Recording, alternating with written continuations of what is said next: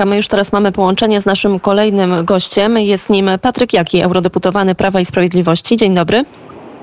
Dzień dobry Pani, dzień dobry Państwu. Panie ministrze, e, wielu polityków e, Unii Europejskiej już teraz jednym głosem mówią, że ten wyrok polskiego Trybunału e, Konstytucji mówią o konkretnych krokach, które mają zostać podjęte. Pytanie, co realnie może zrobić Unia Europejska? Jaka może być jej odpowiedź? Na co my powinniśmy browani? Widząc ostatnie działania mm, urzędników unijnych, którzy nic sobie nie robią z podpisanych traktatów, e, zasad, to tak naprawdę można się teoretycznie spodziewać e, wszystkiego. E, no bo teoretycznie powinno być tak, że mm, jakieś zasady obowiązują, natomiast widać, że w tym wypadku zasady żadne nie obowiązują.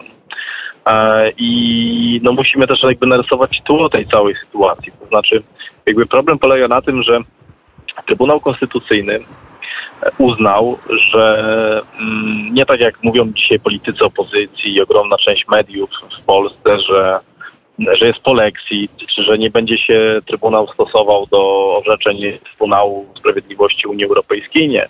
Trybunał Konstytucyjny orzekł tylko to, że jeżeli y, y, Trybunał Sprawiedliwości Unii Europejskiej albo urzędnicy europejscy no, wychodzili ponad e, swoje kompetencje, które przekazaliśmy w traktatach, no to wtedy będzie działała e, zasada pierwszeństwa polskiej konstytucji, która według artykułu 8 naszej ustawy zasadniczej jest najwyższym prawem Rzeczypospolitej.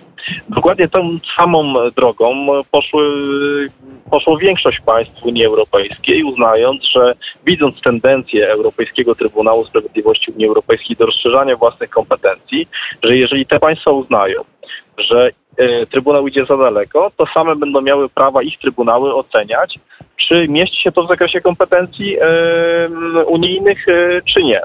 I jeżeli my byśmy dzisiaj doszli do wniosku, że wszyscy mogą to robić, tylko Polska nie może robić, pomimo że każdego obowiązuje jeden traktat, no to, e, no to doszłoby do sytuacji takiej, że no, sami byśmy uznali, że Polska jest państwem gorszej kategorii, drugiej kategorii w Europie. No i o to tak naprawdę toczy się cały spór. Ale dlaczego Unia Europejska to robi? No bo, bo dlatego, że widzi, że Polska no, gospodarczo nadrabia, Polska jeszcze, oni mają pełną świadomość, że jeżeli Polska przeprowadziłaby skutecznie reformy związane z wymiarem sprawiedliwości, no to będzie też silniejsza. E, dlatego oni konsekwentnie próbują swoimi decyzjami wprowadzać chaos. Dlatego, że oni nie chcą dopuścić do tego, żeby Polska była na tyle silna, że będzie musiała z nimi siedzieć przy stole, z najważniejszymi państwami europejskimi i podejmować decyzje. Dla nich miejsce Polski nie jest przy stole. E, no w związku z powyższym używają wszystkich narzędzi, mimo że robią to złamaniem praworządności, złamaniem traktatów i zasad międzynarodowych, żeby nie dopuścić do tego, aby Polska dostatecznie mocno urosła. Panie ministrze, a z drugiej strony pojawiają się takie głosy, eksperci od prawa europejskiego mówią o tym, że teraz albo Polska e, może wyjść e, po prostu z Unii Europejskiej, albo zmienić e, naszą konstytucję. Wiadomo, że raczej my konstytucji nie zmienimy, tylko pytanie, czy są takie zapisy, jest takie prawo, żeby w ogóle na przykład wyrzucić jakieś państwo z Unii Europejskiej, bo chyba nie. Nie, nie, no oczywiście, że nie ma. No to musiałaby być ewentualnie, tak jak w przypadku brytyjskim, decyzja Polaków. No ale jakby tu nikt nie planuje wychodzenia z Unii Europejskiej, tylko no bardziej my planujemy e, walczyć o nasze interesy, no bo też trzeba rozumieć, że to nie jest tak, jak się próbuje dzisiaj przekazywać, że e, urzędnicy unijni zawsze dbają o interes Polski. No nie, no to jest tak, że no niestety w Unii Europejskiej wszystkie narody, wszystkie państwa walczą o swoje interesy E, i nikt Polsce niczego nie da za darmo. I albo my po prostu będziemy, nauczymy się o siebie walczyć, albo E, albo zgadzając się na pewien dyktat, sytuację, gdzie obiektywnie jakby urzędnicy europejscy działają na niekorzyść naszego państwa, na przykład kosztem interesu Niemiec czy dużych państw, jeżeli my się nie nauczymy o to walczyć, no to się też nie dziwmy, że Polska będzie dużo słabsza niż mogłaby, dużo słabsza niż mogłaby być.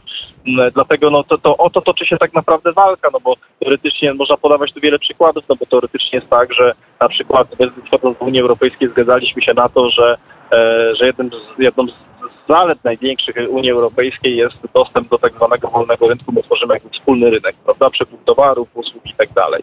No ale z drugiej strony ten wolny rynek, jednolity rynek działa i to działa dobrze tam, gdzie firmy niemieckie czy francuskie wygrywają. Natomiast tam, gdzie się okazuje, że na przykład polskie firmy wygrywają, jak na przykład polskie firmy transportowe, e, spedycyjne, logistyczne, no to tam już zmieniono prawo w taki sposób, tak zwanym pakietem mobilności no, żeby nic takiego się dłużej nie mogło dziać, żeby jakieś polskie firmy wygrywały, bo miejsce Polaków jest przewidziane, prawda, przy, e, jako podwykonawców niemieckich produktów. No i e, jakby, jeżeli my tego nie zrozumiemy, jeżeli jakby urzędnicy unijni bardzo łatwo będą mogli, czy politycy europejscy bardzo łatwo będą mogli w samej Polsce znajdować zwolenników tego, żeby Polska była słabsza, no to nam łatwo nie będzie. To na pewno tak, ale może ten temat e, zostawię, bo to jest temat e, rzeka.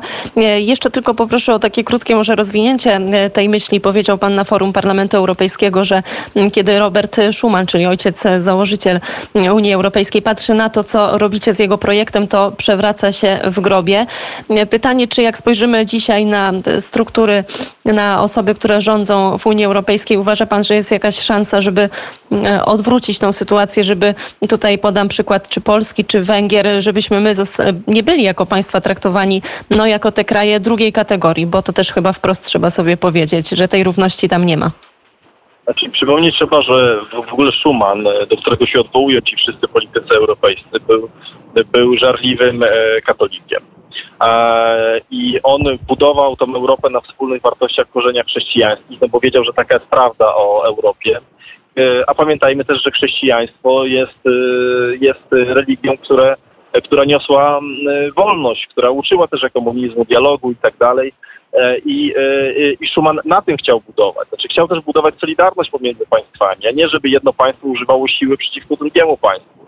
E, na tym miała być budowana Unia Europejska. No i oni rzeczywiście dzisiaj ci wszyscy zasiekli lewicowi politycy, nie dość, że niszczą tą kulturę, którą próbował budować Schuman, to jeszcze jakby burzą zasady wolnego rynku, no i to budują też jakby taką arystokrację e, biurokratyczną. No i problem polega na tym, że, że traci na tym sama Europa, no bo Europa gospodarczo no przez, przez z roku na rok jest coraz mniej konkurencyjna w stosunku do największych gospodarek świata. Są też ogromne dysproporcje pomiędzy gospodarką niemiecką a innymi gospodarkami. No to, to tak pokazuje, że Unia stała się takim mechanizmem faworyzowania Niemiec, a no i to odbywa się kosztem jakby całej Europy.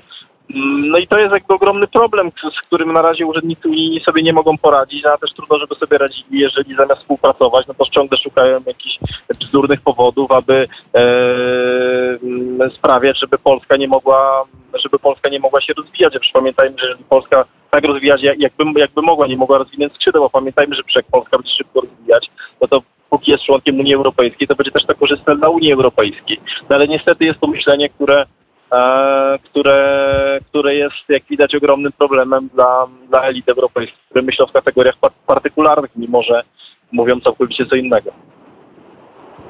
Bardzo serdecznie dziękujemy za ten komentarz. Gościem Radia Wnet był Patryk Jaki, eurodeputowany Prawa i Sprawiedliwości.